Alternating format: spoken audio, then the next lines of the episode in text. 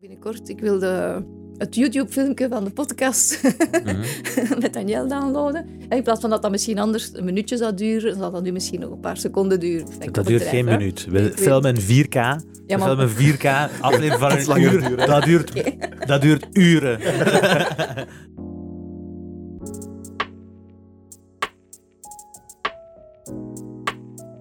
Goedenavond, goedenavond en welkom bij het Perspectief. Welkom, welkom, welkom. We hebben hier een speciale gast over de vloer. Ik moet zeggen, Emre, proficiat. Je hebt het gedaan vandaag. We hebben Daniel hier gekregen. De, ja, hoe, hoe moet ik het noemen? Dat je de, de CEO eigenlijk van CEO. Beltog, hè? Inderdaad, ja. Welkom, Daniel Jacobs. Goedemorgen. En goedenavond. Nee, wij posten... ik zal zeggen, dat brengt meestal verwarring, maar wij posten in de avond. Dus de, wanneer- de mensen zullen voornamelijk luisteren in de avond. Daarom dat ik altijd zeg goedenavond, ook al komt er een, een zonneschijn door, doorheen de ramen. Dat is omdat we in een mooi zonnig land zitten op dit moment. Eh, Dat is waar. De CEO van Beltug. Nu, toen Emre mij deze, eh, deze aflevering heeft doorgestuurd, begon ik een beetje te panikeren. En dacht ik, eh, hoe ga ik hier nu mee omgaan? Ik heb wat research gedaan om het zoveel mogelijk in mensentaal, een, eh, een, een, een simpele taal, zal ik zeggen, een simpele taal eh, te vertalen. En, ehm, maar ik denk dat u daar misschien beter in bent. Oh, nu dacht ik echt dat jullie zo de paspartout gingen krijgen waar ik al 25 jaar naar op zoek ben. Hey, voilà. Niet dus. Die hebben wij niet gevonden in deze niet 15 gevonden. dagen. Oké.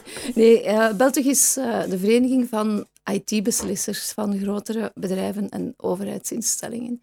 Dus dat is heel deftig. Ehm, dus we zijn een ledenorganisatie, WZW. En onze leden zijn ja, mensen die rond de IT-dossiers werken in banken, in industrie, bij overheidsinstellingen. Meestal grotere organisaties, dat wel. Ehm, men noemt dat nu tegenwoordig de, met een gewichtige term de CIO, de, degene die beslist over, de Chief Information Officer. En wat bedoel, wat bedoel je dan? Ik onderbreek u, maar wat bedoel je dan met beslist? Over, wa- over welke beslissingen bijvoorbeeld? Wel, eh, dus de, de CIO is eigenlijk de persoon die verantwoordelijk is, of de IT-manager in een organisatie, over alles wat met, met digitaal te maken heeft. Dat Mm. gaat dan van hybride werken dat nu hals over kop moest eh, ingevoerd worden in heel veel organisaties twee jaar geleden. Maar dat gaat ook over welke toepassingen stellen wij ter beschikking van onze klanten, van onze werknemers, om, om zeg maar iets, eh, dezelfde gegevens van klanten eh, te kunnen delen en, en dergelijke. Dus dat gaat heel ver, vooral omdat ja, het digitale is overal nu. Hè. Dus dat is eh, hier ook. Ik hoor net van uw collega, of van de mevrouw van Oh, GRK, eh, dat ook door de nieuwe digitale tools, dat er heel veel mogelijkheden komen voor de lokale radio om nu ook met video en, en, en webcasts en zo te gaan werken. In een organisatie is dat ook zo. Er komen altijd maar meer mogelijkheden. Maar je moet wel weten, wat zou ik kunnen implementeren? Hoe kan ik dat implementeren? Hoe kan ik keuzes maken? Wat wil de directie? Wat willen de werknemers? Wat verwacht de klant? Dus het is echt heel, heel breed hè, wat die mensen moeten doen. En dus de mensen die wij... Want ik ging eigenlijk uitleggen wat Beltic doet. Ja. dus we zijn de vereniging van, van dus die IT-beslissers. Dat zijn niet alleen die, die, die personen die die job hebben van de verantwoordelijke te zijn van IT-manager, maar dat zijn ook mensen eh, die bijvoorbeeld met cybersecurity bezig zijn in bedrijven nu. Die moeten zorgen voor de privacy. Eh, die moeten zorgen voor hoe, welke software koop ik aan, de, de, contracten en dergelijke. Dus dat is een, heel, heel breed soort profielen die, die bij ons zitten. En eigenlijk doen we maar drie dingen. Ten eerste, ik weet niet hoe dat jullie daarmee omgaan, maar ik kan me indenken dat je ook elke dag wel eens afvraagt van, goh, weer een nieuwe app of, of, of weer iets nieuws op de computer. Hoe doe ik dat hier allemaal? Jullie praten dan misschien onder elkaar. Ik ben van- al niet meer mee Ja? met de TikTok-wave. Ah ja, ik ook ik ben, niet. ik ben daar niet... Ik, ben, ik, ik besef dat ik, ik... Ik ben niet de oudste, maar de TikTok, de TikTok-wave, en ik was er gisteren nog over aan het spreken, die heb ik gewoon niet meegekregen. Ja. Ik ben ja, niet mee met... Ik heb de app niet... Ik, eh, ik heb de app wel eens gehad, maar ik zag Ja. vol, ik begreep niet hoe het werkte. hè. Dus ik, ik voelde mij daar al een beetje eh, out of touch. Ah, wel, maar kijk, dat is perfect de definitie, want onze leden zitten met hetzelfde probleem. Ook in, in de wereld van digitaal en bedrijven verandert er gewoon constant van alles. Er, er is zoveel mogelijk en je kan niet alles doen. Dus het is echt alleen een heel grote uitdaging. Dus waar waarom komen ze dan naar ons? Eh, dus wij organiseren ongeveer ja, twee, drie keer per week een, een discussie of, of gewoon eh, mensen die komen vertellen wat zij doen. Over net om van elkaar te leren. Wel, de TikTok hebben we nog niet gedaan, eerlijk gezegd. Allee, ik dacht de directeur van hey, BNP we- Paribas zou dat wel willen weten.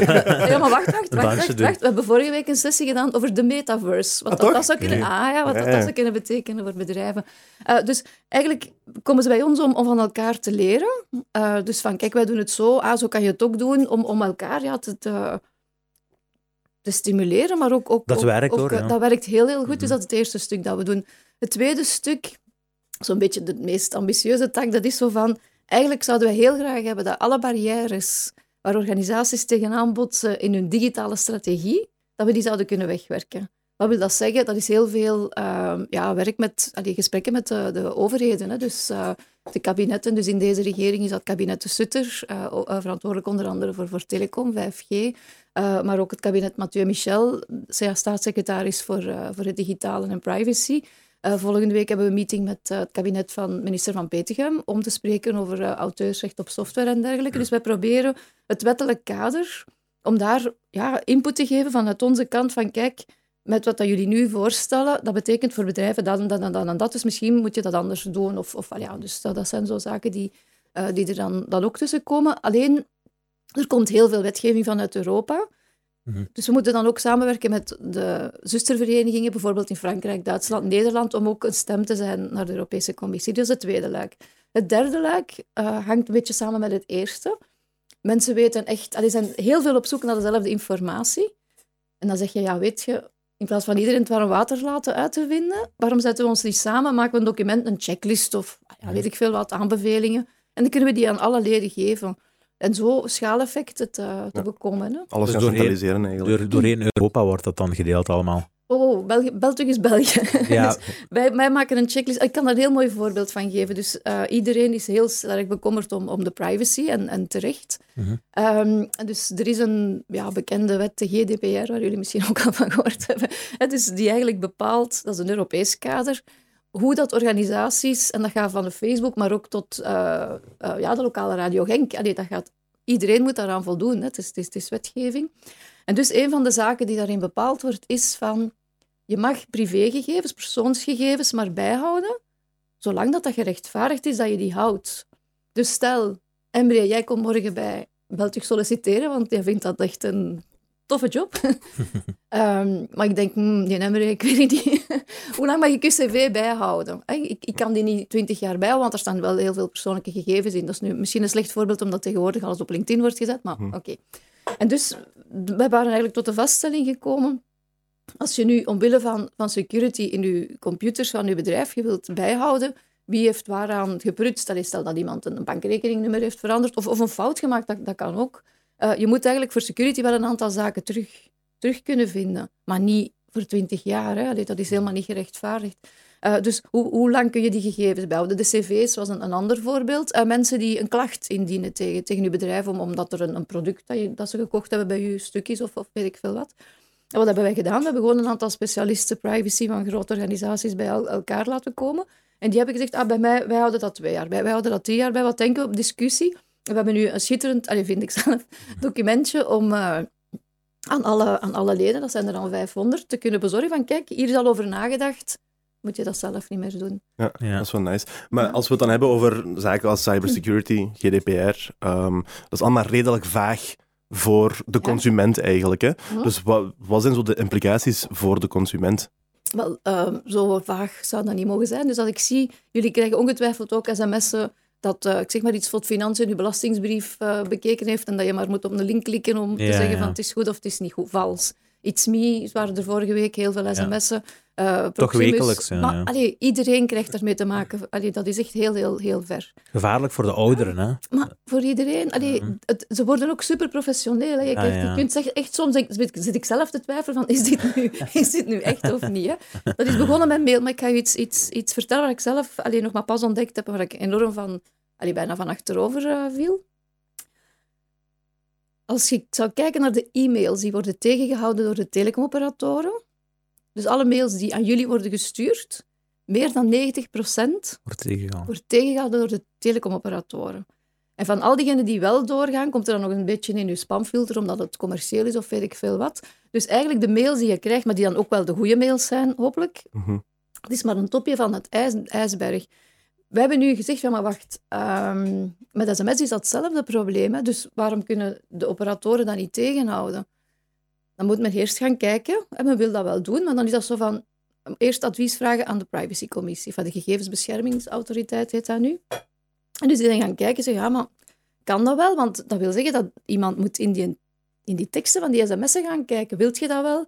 Dat een telecomoperator gaat kijken naar wat daarin staat. Dat is een dilemma? Ja, maar dat zijn geen mensen. Dat, er is niet ergens een grote boze meneer die zegt van ik kan een keer al die sms'en lezen. Hè. Dat zijn patronen. Als je ziet dat een bepaald uh, gsm-nummer, een 04 weet ik veel wat nummer, dat er ineens honderdduizenden sms'en worden gestuurd over iets van FOD Financiën. Ja. En dus, wat heeft men dan gezegd? En dat is niet door ons, hè, want er dat is van verschillende kanten aangekaart. Dat is niet logisch. Met mail kan het wel. En eigenlijk is dat een groot voordeel van ons als gebruikers. Laten we dat voor sms'en ook doen. En er komt nu een wetgeving hè, die daarvoor gaat zorgen dat de operatoren dat ook voor, voor sms'jes kunnen doen. Dat we hopelijk binnenkort die sms'en niet meer kunnen krijgen. Net Ja. om... Om die mensen te beschermen. Dus dat, dat is echt ja. wetgeving die, die, die voor iedereen belangrijk is. Mhm. En het is altijd privacy. Hè. Je kan zeggen van... Het is evenwicht ook. Je kan zeggen, alle, je, je, je, je timmert alles dicht. Ja, oké, maar dan kun je ook niks meer doen. Dat is ook niet tof. Uh, dus het is heel moeilijk om altijd het goede evenwicht te vinden. Dus ik, ik, ik, ik heb heel veel, veel bewondering voor mensen die dat op uh, het vlak van de regulator, dus de privacycommissie of de wetgevers doen. Omdat het moeilijk is en het wordt altijd nog moeilijker. Ja. Allee, we hebben het daarnet eventjes over de metaverse gehad. Dus uh, allee, de nieuwe naam is nu Meta, maar eigenlijk was het Facebook tot uh, voor een paar weken geleden. Mhm. Niet vergeten, Facebook, dat is ook uh, Instagram en dat is ook WhatsApp. Dat is één bedrijf. Hè. Dat, dat is... ziet er een beetje anders uit, maar die zijn wel super, super machtig. Dat is de big dog in de tech, in de tech game.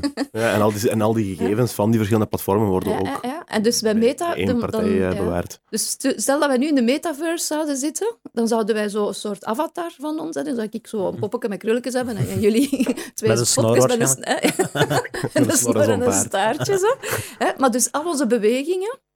Dus als ik nu zoiets met mijn handen doe, dan gaat dat popje dat ook doen. Mhm. Dus, dus je krijgt een, een, een virtuele kopie, maar dan ga je zelfs gegevens van hoe, het- hoe ik beweeg, hoe ik spreek. Dus dan wordt dat nog veel, veel groter, hè, die privacy. Al de camera's, ik heb er hier heel veel tegengekomen in het uurtje dat ik gereden heb naar hier. Mhm. Wanneer is dat gerechtvaardigd? Is het gerechtvaardigd dat, eh, dat je boetes krijgt als de camera's zien dat je je gordel niet aan hebt of dat je aan het bellen bent met de gsm? Ehm, het heeft altijd voor- en nadelen, dus het is permanent in evenwicht, maar het raakt aan ons iedereen, aan allemaal. En dergelijke Ja. beslissingen hebben ook heel veel te maken met ethiek, denk ik. Hè? Dus er zijn veel ethische kwesties die erbij komen tuurlijk, kijken. En dat maakt het zo Ja. complex ook. Hè? Ja, want dat is, een, een, allee, dat is niks dat je kunt meten. Hè. Dat is, eh, En hoe wordt dan die beslissing uiteindelijk gemaakt om iets wel te doen of niet te doen? eh, heel Hoeveel veel, mensen zitten er ja. aan tafel bijvoorbeeld? Of eh, en hoe wordt die commissie dan... de, de, de basis komt vanuit Europa rond privacy. Hè. Dus die GDPR, dat was eigenlijk een, een, een ja, dat noemt dan een verordening, een regulation. Dat wil zeggen, dat moet in alle landen op dezelfde manier geïmplementeerd worden. Ja. Hè, Dus die is er gekomen, GDPR, drie jaar geleden. Maar dat is een wet, hè. dus dat is tekst. En wetten kun je interpreteren. De mensen met wie dat wij te maken hebben, die moeten in hun computer zeggen van, kijk, ja, eh Imre komt bij mij iets kopen, mag ik die gegevens bewaren? Hoe lang, welke, eh, moet ik hem verwittigen? Als er, eh, dus dat is toch een, een, een constante zoektocht.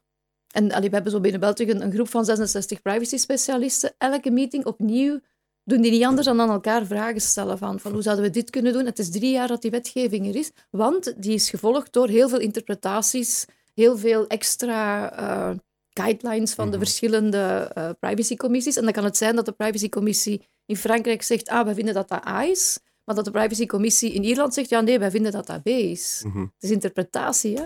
Ja, ja. Dus de omslag tussen het juridische en het, hoe dat het dan in de computer terechtkomt, is een, is een heel moeilijke opdracht. Niet alleen voor privacy, voor alles. Ja, we hebben... Ja, zeg maar. Gaan, gaan jullie vanuit... Ik vind het wel fijn dat je me zo aanraakt. Ik raak er graag aan.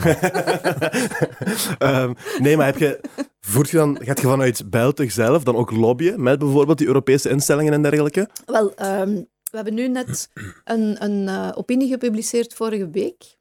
Dat was dan voor België, omdat wij vinden dat dus binnen dat eh, Europese kader moet elk land een goede privacycommissie hebben. En bij de Belgische privacycommissie loopt er van alles fout. Mhm. Het zou te ver leiden om allemaal in detail te gaan, maar men weet dat, men weet dat en men is ook aan het werken aan een, aan een hervorming. Dus wat hebben wij gedaan? Vanuit België hebben wij aan het kabinet Mathieu Michel eh, en ook ja, naar, naar de publieke opinie dan, een, een opinie gemaakt om te zeggen van kijk, voor ons is dat en dat en dat en dat belangrijk. Net om te proberen om, om onze stem ook te laten horen. Allee, het woord lobby is heel dubbel ook, hè, want ja, oké, er is lobbying om te zeggen van wij willen graag Maar in welke mate? zien. Hoeveel invloed heb je? Maar dat is altijd heel... Allee, soms, eh, zo lobby is, is heel vaak zo van... Oh, die felle lobbyisten. zo voel ik dat totaal niet. viezerik Daniel. Stop eens met lobbyen. Nee, omdat ik er echt van overtuigd ben allee, dat, dat je daar ook wel heel goede dingen mee kan doen. Om te zeggen van, ja, maar wacht, je zoekt begrip voor nieuwe wetten die er komen, om zoveel mogelijk invalshoeken eh, mee te kunnen nemen. Hè. Maar wat ik mij afvraag is, is het dan, wordt het dan niet gevaarlijk wanneer je, zoals gezegd, hè, je hebt zoveel 66 GDPR-specialisten of, of Ja. privacy-specialisten, ehm, die komen uiteraard van Mhm. verschillende bedrijven. Mhm. Wordt het dan niet gevaarlijk als er, als er, als er eh, concurrentie-effecten optreden? In de zin van, hè, hij is CIO bij, ik ga, ik ga weer een bank opnoemen, laten we zeggen Belfius. Mhm. Ik ben CIO bij ING Bank. Ja. Ehm, zit- daar, moeten toch iets of wat van gevoeligheden liggen. Ja, of dat ik bijvoorbeeld niet even open en eerlijk over alles ga praten als... Ja, dat En, vind ik een schitterende vraag. Want dat is eigenlijk net hetgeen... dat is net het, het, het toffe, vind ik, aan België. We zijn cross-sector. Dus ik heb voordien, voor ik bij België werkte, werkte ik voor de Vereniging van Banken, nu Febelfin. En dat was een heel andere context, omdat je daar allemaal vanuit het bankaire vertrekt. Je probeerde samen te werken, maar er was natuurlijk ook het concurrentieverhaal dat daar heel sterk speelde. Mhm. Als wij nu in een groep zitten waar en een bank en een, iemand uit de industrie, iemand van chemie, een aantal overheidsinstellingen en zo samen zit, is dat een heel andere dynamiek. Mhm. En wat dat wij moeten doen, en dat is het, het, moeilijk van onze job, maar ook het toffe, is de grootste gemene deler te vinden. Ja. Van waar hebben ze allemaal belang aan? Maar wij kunnen niet in de diepte gaan, omdat net, ja, iedereen heeft een andere achtergrond, maar er zijn heel veel, allee, het is al zo al veel te veel, dus op zich is dat niet echt, eh, niet echt een probleem. Maar dat is eh, een, ook een rijkdom. Ja, ja, ja. We hebben, het, we hebben het net al een beetje gehad over, eh, je hebt dat eens gedropt, eh, 5G. Mhm. Ehm, wanneer, wanneer denken ze aan om, om dat echt te lanceren? Dus 5G is uh, supersnelle mobiel internet. Mhm. Uh, dat is nodig, omdat, zoals we zeiden, er komen nieuwe uh, developments, zoals webcasts en alles wordt, uh, er komen nieuwe apps, alles wordt groter. Wanneer, denk, wanneer denken we om, uh, om daar te zijn? Dus voor alle duidelijkheid, 5G is eigenlijk de opvolger van 3G, 4G, 5G, toch? Nee, nee? Ah, nee, okay, voilà. nee. Misschien eerst even zeggen wat Voilà. 5G is en waarom dat, dat voor ons zo belangrijk is. Want we hebben daar heel zwaar in, in, allee, op ingezet al sinds 2017 Oké. om, om te promoten van neem een beslissing dat die veilingen kunnen georganiseerd worden, dat er 5G in België kan, tegelijk met, eh, met andere landen. Uh, nu, het goede nieuws is de veilingen, de wetgeving om de veilingen te organiseren. Want wat, wat, wat heb je nodig voor 5G? Het is mobiele communicatie. Net zoals u, u, uw mevrouw van eh, de radio hier net zei. Je hebt frequenties nodig. Hè? Dus eh, lokale radio kan, kan beperkt uitzenden, want de frequenties gaan niet heel ver reiken. Maar zij kan nu naar DAB, dus zij kan nu ook binnenkort eigenlijk veel meer mensen gaan bereiken dan, dan nu mogelijk is. Je hebt spectrum nodig, dus de, radio, de radiofrequenties. En die worden nu geveild. Het is een opbod eigenlijk, hè? dus uh, we zullen zien wat daaruit komt. Um, Kunt je, kunt je daar wat dieper op induiken, op die veiling? Want dat begrijp ik niet zo goed. Wat wordt er juist geveild en van wie het radiospectrum. Dus er Uh-huh. is, uh, um, maar ik ga eerst even uitleggen wat, wat het grote verschil is met 5G. Omdat iedereen zegt, ja, maar wat zit jij nu zo over die 5G? Zo dat belangrijk te vinden, wat het 2G, 3G, 4G, 5G... Allee, ja, who Ik ben cares? tevreden met 4G, zeggen ze. Er waren geen grote Oh, changes. oh, oh, maar wacht. Allee, van ja, ja, ik moet even mijn draad bijhouden. Hè? Maar eerst misschien kijken wat, wat 5G gaat Ja. brengen. Dus 5G is inderdaad veel sneller internet, maar echt veel sneller. Hè? Dus niet de overstap van, eh, van 2G naar 3G. Het is, het is een, een, een, echt een, een, een, ja, een vlucht vooruit. Ja. Maar dat is tof dat je zegt van oké, binnenkort ik wil de, het YouTube-filmpje van de podcast Mhm. met Daniel downloaden. En in plaats van dat dat misschien anders een minuutje zou duren, zal dat nu misschien nog een paar seconden duren. Dat duurt een geen hè? minuut. We filmen in 4K. Ja, We filmen 4K, aflevering van een uur. duren, dat, duurt, dat duurt uren. Enfin, dus sneller internet, dat is begrijpbaar. Hè? Dat, dat, dat begrijpt iedereen. Mhm. Maar de grote voordelen, en daarom is het ook zo belangrijk voor ons, omdat het vooral een kwestie is voor de zakelijke markt in eerste instantie. Je krijgt ook eh, een heel nieuw gegeven. Als ik nu de mobiele netwerken gebruik, 4G, dat is wat men noemt best effort. Werkt het, is het goed, werkt het niet goed, ja oké. Als ik met u aan het bellen ben en ik verlies ergens omdat ik in een tunnel rijd of, of omdat er slechte dekking is, ja oké. Dan Kunt je niet moet ik mij daarbij neerleggen. Ik heb, Ja. ik heb geen, geen garanties. Een vast netwerk heb je dat wel. Dus als je zegt van, als bedrijf, ehm, ik ben een bank en ik moet hier wel ervoor zorgen dat de, de links met, tussen de bank en het publiek en het internet, dat dat altijd werkt. Hè. Je kan daar kwaliteitsgaranties voor kopen. Je kan zeggen van oké, we betalen daarvoor, maar dan weten we ook dat dat in 99,99% van de gevallen ook Mhm. zal werken. Of zelfs nog verder, ik neem twee ingangen. Ik neem er eentje van Proximus aan de voorkant en eentje van Tenet aan de achterkant om het heel plastisch uit te drukken. Mhm. Om toch maar zeker te zijn dat je die garanties hebt. Met mobiel netwerk kan dat op dit moment niet.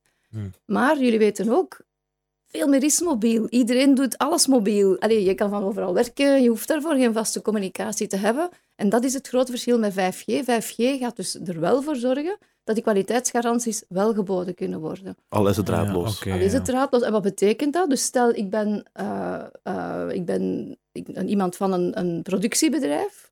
Ik zit in mijn productie eh, nu met wifi of met allemaal allee, ja, dingen die moeilijk te, te installeren zijn in de productiehal. Ik zou in de toekomst met 5G één of twee antennes kunnen zetten, waardoor dat de dekking van die hal ervoor gezorgd is. En dan komt het derde voordeel van 5G. Er zit geen vertraging op. Mhm. Meestal toont men dan zo de chirurg die in New York zit te opereren, van hier, hier iemand in Brussel, dat je zegt van... Ik heb ik, kijk op mijn LinkedIn, ik heb zo'n filmpje gevonden van een, een banaan die geopereerd wordt. Dat heb ik niet gezien. Dat is echt- ik vind dat geweldig. Dus iemand zit ergens in de Verenigde Staten en die banaan ligt ergens anders, maar dus echt in een ander continent. En dus de, de robotchirurgie, dat je ook zou kunnen doen in, naast het bed eigenlijk, hè, met, met een computer, wat nu al heel vaak gebeurt in, in, in de ziekenhuizen hier, hier elke dag. Dus je kan dat op afstand gaan doen. Waarom? Niet omdat dat zo tof is dat je dan speciaal een chirurg van New York hebt om hier je banaan te opereren, maar om te laten zien dat er geen vertraging op zit. Het moment dat die mens iets beweegt aan de andere kant van de oceaan, beweegt dat ook op die banaan. In dit Meteen in geval. real time. Dat Maar dus dat wil zeggen, hè, Mhm. er is niks latency op. Terwijl nu, allee, je hebt het misschien al gedaan, kijk, naar, kijk, je zit in je auto, je, kijkt naar, je luistert naar de radio en je doet hetzelfde op je gsm in de auto. Nee, ja, dat Hè? komt niet overeen. dus daar, daar zit latency op. Dus Mhm. zo kun je niet iets dat echt tijdskritisch is organiseren. Ik ga terug naar die productiehal van eh, het bedrijf. Als zij 5G zetten op hun, op hun site, en dus zij kunnen hun productieproces bewaken en ergens zien met sensoren van oei, hier is ergens een, ja, iets, iets dat misschien wat verschoven is of, of weet ik veel wat. Geen vertraging, dus ze gaan het direct weten. De productieband kan direct stilgelegd worden. Hè? Mhm. Dus de, de mogelijkheden zijn zo groot dat we het nu zelfs nog niet kunnen... Ja, dat we het ons zelfs nog niet kunnen voorstellen. Dus 5G is echt... Allee, ik zeg altijd zo van, dat is zo... Ja, de infrastructuur van de toekomst. Een beetje zoals we nu zouden kunnen zeggen, we zouden geen snelwegen nodig hebben. Nee, je zou, we zouden nog met kasseiwegjes ook kunnen Ja, dat is doen. waar. Ik weet wat je wilt zeggen. Dus het, het, is, het is echt een wereld van verschil. En eh, wat zou je dan zeggen over de... Dat is misschien een beetje... eh, we zetten onze tinfoil hat op. Daar zijn ook heel veel eh, conspiracies en ik weet niet wat erbij gekomen, dat we Ah, misschien ons 5G. moeten gaan zorgen maken over vogeltjes die eh, op ons daken Ja. vallen en over omgedraaid gaan vliegen. groen gekleurde... Ja. een, nieuwe, een nieuwe soort mens. Groen gekleurd. Ja, ja, ja. Wolverine hier. Ik weet niet wat er nog, al, ik weet niet wat er nog allemaal te vinden is op het internet. Eh.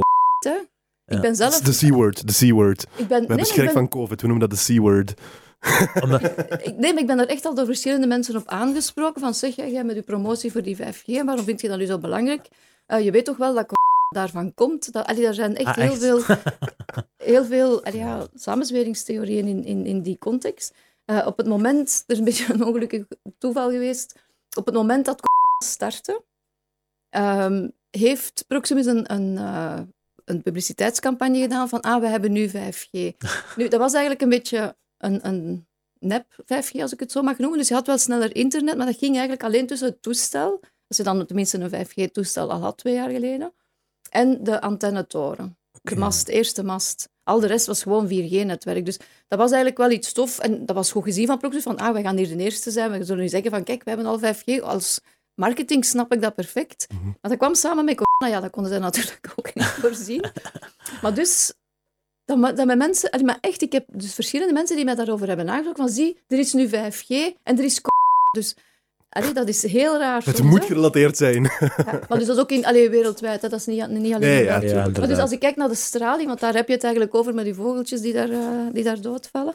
Ehm, niemand weet natuurlijk wat de toekomst brengt. En dus door, hè, ik heb daar straks gezegd met die veilingen, dus ehm, er wordt nieuw spectrum geveild. Dus het, het, het spectrum, moet ik dat zeggen, je hebt de, de frequenties in de, de radioband, en dus lokale zenders of het leger of eh, de VRT, iedereen zendt op, op andere frequenties. En de mobiele netwerken hebben ook radiospectrum nodig. Hè, dus ja, je moet in, in de lucht uw, uw, uw boodschappen kunnen, kunnen versturen. En voor 5G, omdat de 5G-netwerken echt zo helemaal anders werken, Mhm. ehm, hebben zij ook ja, andere frequentiebanden nodig. En dus dan is er heel veel ongerustheid bij mensen, en ik begrijp dat ook, van dat men zegt van, ja, maar dat is iets nieuws, is dat wel oké voor onze gezondheid? Want we weten het niet, je weet niet wat de toekomst Misschien moeten de andere landen dat eerst laten proberen. Wel, een beetje een redelijk eh, egoïstische reflex, Dat is, ik maar. dat is een grapje. Maar het is wel de facto zo, want eh, onze veilingen worden nu georganiseerd in de zomer. De kandidaturen moeten binnen zijn nu tegen midden februari, dus over twee weken. En dan gaat men zien wie, hoeveel kandidaten er zijn en zien hoeveel spectrum er is en wie dat, hoeveel biedt. Hè, want dat gaat ook over geld. Men verwacht daar 800 miljoen euro opbrengst van, omdat dat schaars goed is.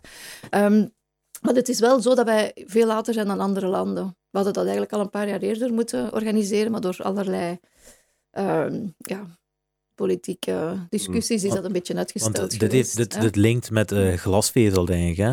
Want ze, zijn, ze, Ja. ze zeggen twee, tegen 2030 eh, dat, dat alles moet voorzien worden van glasvezel. En Ja. jullie doen dan samenwerking met Fluvius, denk ik? Eh, ja, wij doen niks. Hè. Ja, nee, maar het wordt gedaan. Het wordt- Nee, het nee, maar is wel interessant dat je dat zegt, want eh, de glasvezelnetwerken zijn... Hè, dus dan heb je echt allee, veel, veel meer mogelijkheden voor de vaste netwerken eh, dan nu met de koper eh, en, en de kabel van, eh, van, van de bestaande operatoren. Maar dat is ook belangrijk voor het 5G-netwerk, omdat uiteindelijk... Men zegt wel de mobiele 5G-netwerken, maar die zijn maar een stukje mobiel. Hè. Dat is tussen je toestel en, en de eerste antenne. En dan is er heel veel dat, ja, Dan is- dan is- Vast. vanaf dan is het overal- bekabeling. dan heb je overal vast uh, allee, glasvezel nodig. Dat is, dat is essentieel, dat gaat heel, heel sterk samen. Hè. En dus, Ja. om, om, als ik het goed heb begrepen, hè, want je zei net ook van dat, dat 5G gewoon veel betrouwbaarder gaat zijn, in de zin van je hebt een, een, een betere verbinding, hè, die gaat minder snel uitvallen of weet ik veel. Ehm, dus als ik het juist heb begrepen, als ik dan ergens in een ondergrondse parking zit, dan kan ik gewoon sms'jes ontvangen, dan kan ik gewoon telefoontjes plegen. Als er dekking is voor het 5G-netwerk, zoals het nu voor het 4G-netwerk is ook. Hè. Er moet wel dekking zijn, dus er gaan heel veel antennes. Er komt hier trouwens een heel to- to- eh, toffe eh, use case eh, met het stadion van Genk. Ja, inderdaad, daar Ja. wil ik het ook nog over hebben. Ja. Ehm, dus men wil daar echt daar een soort van? proeftuin... Ja, het is nog maar aan het begin, hè. het is alleen aangekondigd. Men wil daar echt een proeftuin Zo naar Erik Gerrits. voor 5G eh, van maken. Want, dus ik heb nu al gezegd, sneller internet, Mhm. geen vertraging. En ehm, die kwaliteit, ik heb, eh, die verschillende kwaliteitsgaranties. Dat je zegt van, allee, als ik ga lopen en ik, ik volg mezelf op Strava, allee, dat dan een beetje vertraging op zit, maakt niet uit. Maar hè, dus het, het voorbeeld dat ik gegeven heb van dat bedrijf dat zijn productieband Mhm. met 5G laat monitoren, hè, dus daar moet je wel heel hoge kwaliteitsgaranties hebben. Maar dan is er nog een voordeel van 5G. En dat is wat dat men noemt Massive MIMO. Dus je hebt heel veel communicaties tegelijk. Het verhaal van Pukkelpop, hè, van een aantal jaar geleden, verschrikkelijk. Ah ja, dat mensen hun geliefden en niet konden contacteren je, je en kon zo. niet bellen. Ja. Dus mensen waren ofwel, ja, hadden geen informatie, geen contact. Alleen paniek alom, soms met goed nieuws achteraf, soms met slecht nieuws achteraf. Mhm. Had er toen 5G al bestaan, had dat niet gemoeten, omdat net 5G ook de mogelijkheid geeft om heel veel communicaties simultaan te kunnen. En dat is wat ja. zoals hier op het, eh, op het voetbalstadion gaan uitproberen, om, om, om dus ja, met al die supporters die dan na corona dan Ah, allemaal ja. samen gaan zitten, om die heel nieuwe belevenissen eh, te gaan geven en dergelijke. Mm. Dus ik denk dan, ik, ik weet niet wat ze gaan doen, hè, want ik ben daar niet bij, maar ik kan me dan voorstellen dat ze dan allerlei mogelijkheden, van stel dat je supportert voor een, een bepaalde voetballer, dat je dan uit alle hoeken eh, van de camera's die er staan, dan nog eens kan bekijken van, ja, maar hoe was dat juist? En, en een keer van links en een keer van rechts. Ja, ja, ja. Dus je gaat, je gaat een, heel andere, ja, een heel andere beleving krijgen van concerten en, en, en, en zaken. Dus het komt wel ook naar de consument. Maar op uw vraag van er straks, wanneer gaan we 5G hebben? Ik kan daar niet op antwoorden, want dat gaat in stapjes komen. Vanaf september gaan we 5G hebben, het snellere internet. En dan gaat eh, gradueel ook de, de andere mogelijkheden uitgebouwd worden. Alles zal afhangen van hoeveel spectrum dat de operatoren kunnen kopen. Want dan kunnen ze naar gelang meer of minder, kunnen ze meer of minder of sneller of trager Oké. te werk gaan. Oké, oké, oké. En eh, dus ik heb al die vraag gesteld over ondergrondse parking. Maar als je dan bijvoorbeeld een- door een tunnel rijdt, dan heb je ook minder kans dat, Ja. die, dat die gaat wegvallen dan. Maar ja, er moet, er moet dekking zijn. Dus, allee, moet gewoon- als er geen dekking is, ja, dan, dan... Maar de meeste tunnels hebben nu ook al, al, al vier... Allee, ik heb eigenlijk nog weinig tunnels waar mijn eh, communicatie wegvalt. Alhoewel... Ik weet niet, ik heb de laatste twee jaar niet meer zo rondgereden.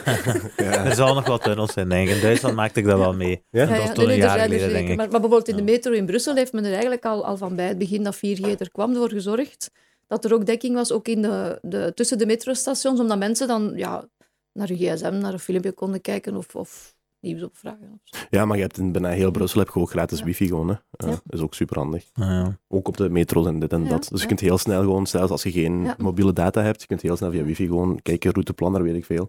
En je weet meteen welke sporen je moet zijn of hoe of wat. Dat is wel super handig. En dus nu zeg je van, zie hoe belangrijk dat het digitale is, want het heeft alles veranderd. Maar ik ga er, zo, ik ga er 100% mee akkoord. Dat is zelfs een discussie die ik heel vaak met mijn vrouw voer. Bijvoorbeeld, zij, zij blijft erbij dat hij een, een, een, eh, een, een analoge of ja, een, een gewone agenda gebruikt. Mm. Terwijl ik zeg, maar dat is niet... Dat gaat, dat gaat, dat gaat verdwijnen. Dat gaat verdwijnen. Je moet een online agenda gebruiken. En nu heb ik het gewoon over agenda en dat gaat over zoveel verschillende dingen. Agenda is een van de simpelste voorbeelden. Ja. Maar je moet toch wel een online agenda. Dat is veel makkelijker. Je, hebt, je, kunt, je hebt er constant via je gsm naar kijken, weet je veel. Je kunt er dingen aan aanpassen. Dat is gewoon veel makkelijker. Ik vind dat ook, maar er moet niks, hè. Nee, nee, nee. Inderdaad. In mijn huis moet er van alles. Oké. Dat is niet waar. Dat is niet waar. En daar doet enige enige wat is- voor, maar... Inderdaad. Als mijn vrouw er niet was, had ik hier zo... Eh, afgelopen... Daniel, ik moet eh, misschien even zeggen, ik ben eh, wat ze noemen een gamer. Dus eh, ik speel graag eh, af en toe een spelletje op de PlayStation. Eh, ik ben een fervente supporter van de PlayStation, Maar- van de PlayStation 1. Zeg maar PlayStation 5. Zeg dat maar. Ik heb die gehaald. Zeg dat maar. Ik heb die wel onlangs gehaald. Eh, en waarom doen we dit? Omdat die, die zijn nauwelijks te vinden. Dus die PlayStation 5 die zijn nauwelijks te vinden. Die zijn ondertussen al een jaar. Ik, ik ben ergens aan het geraken. Hè. Eh, dus komt. we zijn, die zijn ondertussen al een jaar of twee zijn die al uit. Maar super moeilijk te vinden. Eh, daardoor op resale eh, sites zoals tweedehands en zo worden die constant eh, opgewaardeerd en worden die aan hogere bedragen verkocht. Eh, ik heb er toevallig eentje gevonden. Mhm. Eh, maar dat komt door een chiptekort. Die PlayStations. Ja. En dat chiptekort is eh, voor gamers is dat een ramp, hè? Maar Voor bedrijven ook, hè. inderdaad. Ja, dus ik wou daarop geraken. Eh, hoe beïnvloedt dat chiptekort niet alleen... Of hoe, wat is dat zelfs, een chiptekort? Wat is een chiptekort? Dat vraag ik me ook Ik wil gewoon een PlayStation kunnen kopen wanneer die uitkomt. En ik wil die aan een normale menselijke prijzen kunnen kopen. Hoezo, hoezo lukt dat allemaal 20 jaar lang en nu plots is er een chiptekort? Want dat heeft verschillende oorzaken. Hè. Dus uiteindelijk er is een veel grotere vraag naar chips. Want ze zitten overal in nu. Mhm. Ook in de wasmachines, in, in allee, ongeveer alles wat tegenwoordig gebouwd wordt. Ehm, dus er is een heel grote vraag. Er is een, een corona, dat is niet alleen met chips, maar ook met andere goederen, is er een heel veel eh, storing. Een, beetje, iemand heeft het genoemd van, je hebt de, de, de machinerie of de, de flow van boten komen vanuit China of van weet ik veel waar. Eh, heel het, het logistieke is een, een, een constante stroom geweest. En door corona daar was eh, iets stilgelegd, daar was iets stilgelegd, is er een beetje zand in de machine gekomen. Hè? Dus er is heel veel di- eh, distortie geweest in de supply chain, dus eh, in, in de toelevering van, van goederen. Plus, je hebt niet zoveel chipmakers. Hè? Mhm. Er is nu wel net een, een heel belangrijke beslissing genomen, twee weken geleden, door Europa, dat men heel sterk IMEC, dus het research-kanaal van de Universiteit van Leuven, echt als een soort Europese chipmaker of research en, en development rond nieuwe chips gaat, eh, gaat benoemen. Maar er zijn niet heel veel bedrijven die echt de, de, de superchips kunnen maken. En hoe er komt maar dat? Drie. Hoe komt dat? Is dat ja, omdat dat moeilijk miljarden kost om, om Zo. zo'n fabriek eh, op, op te En bouwen. Van Dus, waar eh, komen die meeste chips nu? Van China neem ik aan. VS, China en Zuid-Korea. Oké. Dus er zijn... ja, en Taiwan, Taiwan. Want dus er is heel veel spanning, want pas op, er is Ja. ook een heel groot... eh, Taiwan is ook een onderwerp, een heel grote Ja. link tussen het digitale en het geopolitieke. Hè? Ja. Eh, dus hè, de chips is daar één stuk van. van het, het, het China- China-Taiwan-verhaal is, is daar een, een delicate in. Want Het er verhaal is dus, dat, is dat Ja. Taiwan niet wordt ge, eh, recognized als een eh, country door China. Ja, nee, nee, nee, maar dat is ook zo. Dat is zo. Dat Dus is China zegt Taiwan is geen land. En, Dat is een, een, een stuk, een stuk ja, territorium en, en dat is een, een, allee, een, moeilijk, een, een moeilijk iets. Ehm, maar dus eh, als ik kijk hè, naar het Zo naar John Cena. Maar als ik nu kijk bijvoorbeeld naar het geopolitieke, dat is nu wel een heel ander eh, verhaal. Ik weet niet of ik voldoende een antwoord heb gegeven op je chipstekort eigenlijk. We geraken er, we geraken er. Misschien toch wel eventjes, want eh, we hebben net een rondvraag gedaan voor de tijd, allee, de krantentijd, omdat zij ook zeiden van nou, hoe die chips en, en dergelijke, wat betekent dat voor bedrijven? Eh, ik heb u niet gevraagd naar de gamers of eh, wat daar hun problemen waren, maar dus wel, eh, heel veel mensen zitten thuis en dat is wereldwijd. Mhm. En er zijn heel veel computers moeten besteld worden. Dus ik, ik denk bijvoorbeeld aan een, aan een gesprek dat ik had met een vriendin die, die in een gemeente verantwoordelijk is. En die zegt van, kijk, iedereen had daar nog een, een, een echte pc die zo onder de bureau stond, zo een echte computer. En van de ene week op de andere hebben wij iedereen moeten een, Top, een, laptop gegeven. En dat is, dat is op een, een kleine gemeente, maar ik heb dat ook gezien bij de bedrijven met wie dat wij werken. De meesten hadden al een pc, maar niet iedereen. De mensen die, die sales of, of die al verondersteld werden voor een stukje van thuis te werken wel. Maar heel veel mensen gingen gewoon elke dag naar kantoor en hadden daarvoor geen laptop. Dus er is een enorme, enorme vraag aan laptops, maar ook de elektrische auto's. Waar, hoeveel, hoeveel chips zitten daarin? Ik weet het niet, maar dat zijn er, ik denk dat dat er honderden of duizenden zijn in één, in één wagen. Hè. Dus ehm, de vraag is gewoon enorm toegevoegd, eh, toegenomen. En men wil altijd maar nog kleiner, nog kleiner, nog kleiner, waardoor dat de specialisatie eh, rond echt die super, die super gespecialiseerde chips zo hoog wordt dat het heel moeilijk is. Je kunt niet zeggen, ah, we gaan hier nu een keer investeren in een, in een chipsfabriek. Dat is echt, echt, niet, echt niet evident. Eh, voilà. Dus dat was over chips. En dan ging ik iets anders vertellen, maar nu weet ik niet meer. Ah ja, het geopolitieke. Inderdaad, ja. Dus ehm, zoals ik er straks zei, we werken heel nauw samen met de Franse, Duitse en eh, Nederlandse CIO-verenigingen. Ehm, net omdat we een stem samen willen eh, zijn in dialoog met de Europese Commissie. En wat ziet men nu? Alle bedrijven, bijna alle bedrijven, hangen af van niet-Europese softwareleveranciers. Bijna voor alle belangrijke toepassingen komen uit de VS of Israël of China of, of ja, vanuit verschillende, maar heel weinig. Het zijn heel knappe start-ups hier en het is, het is- ik zeg het nu veel te zwart-wit, maar toch de afhankelijkheid van Ja. niet-Europese software is Te enorm groot. groot. Ik denk dat het misschien ook Ja? vooral gaat over bedrijfssoftware. Hè? Bedrijfssoftware, Ja, het gaat vooral inderdaad. over Maar kijk bedrijfssoftware. naar, allee, kijk naar, naar eh, het verhaal bij de particulieren rond hè, on- ons Google, Waze, hè, want Waze is van Google.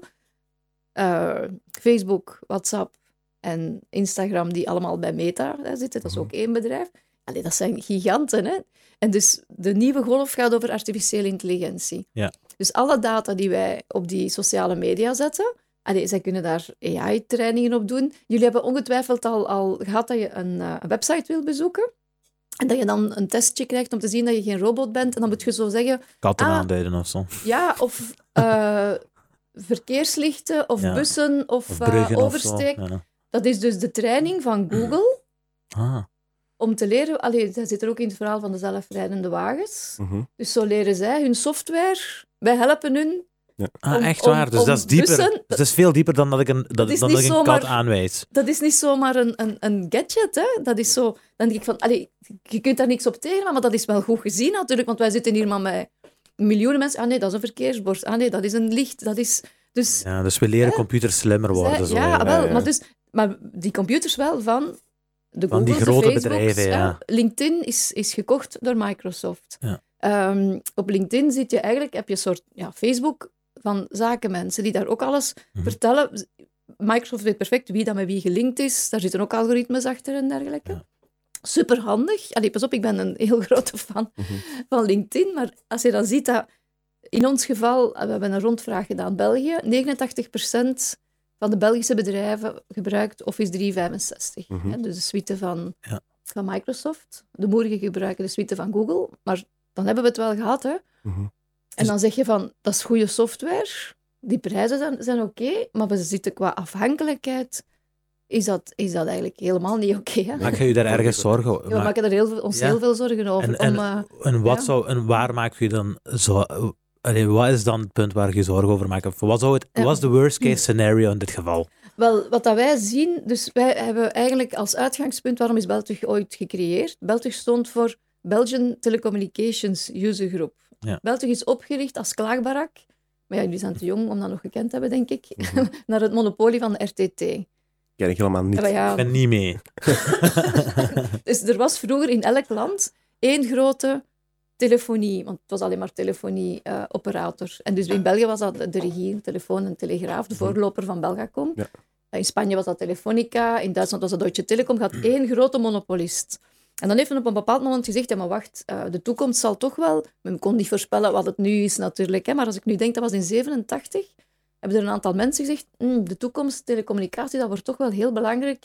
Nieuwe infrastructuur naast wegen en, en, en rivieren. Maar we moeten dat niet in de handen laten van een monopolie per land. Liberalisering. En toen is België opgericht geweest, dat is voor mijn tijd ook. Hè.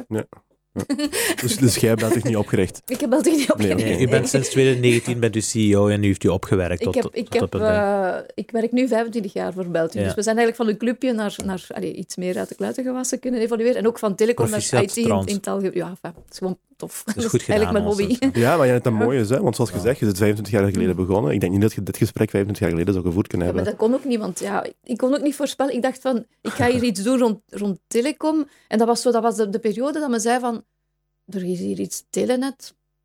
Ja, Kent niemand dat? niet, Is, dat, is, dat, is, dat iets, is dat iets goed? Kunnen we dat vertrouwen? Eh, er kwamen, eh, alleen de de businessmarkt dan, hè, in de bedrijfsmarkt kwamen er dan zo spelers van WorldCom en, en, en ja, zo Ja. die, en dus dat was ook, eigenlijk zijn wij zo begonnen van, oké, laat onze koppen bij elkaar steken, dat mensen die al met die nieuwkomers iets, iets doen, misschien in een ander land, Mhm. dat die zeggen, dat gaat wel. Dus eigenlijk wat ik, wou- wat, wat ik wou zeggen is, België staat voor competitie. Ja. Wij willen concurrentie en voor 5G hebben wij enorm gepleit van, wij willen graag een vierde telecomoperator voor de bedrijfsmarkt. Ja, Om- dat is goed om- voor de consument. Hè? Concur- Concurrentie, Concurrentie is, altijd goed, hè? want eigenlijk zijn wij de, de bedrijfsconsumenten. Hè? Dus. Ja.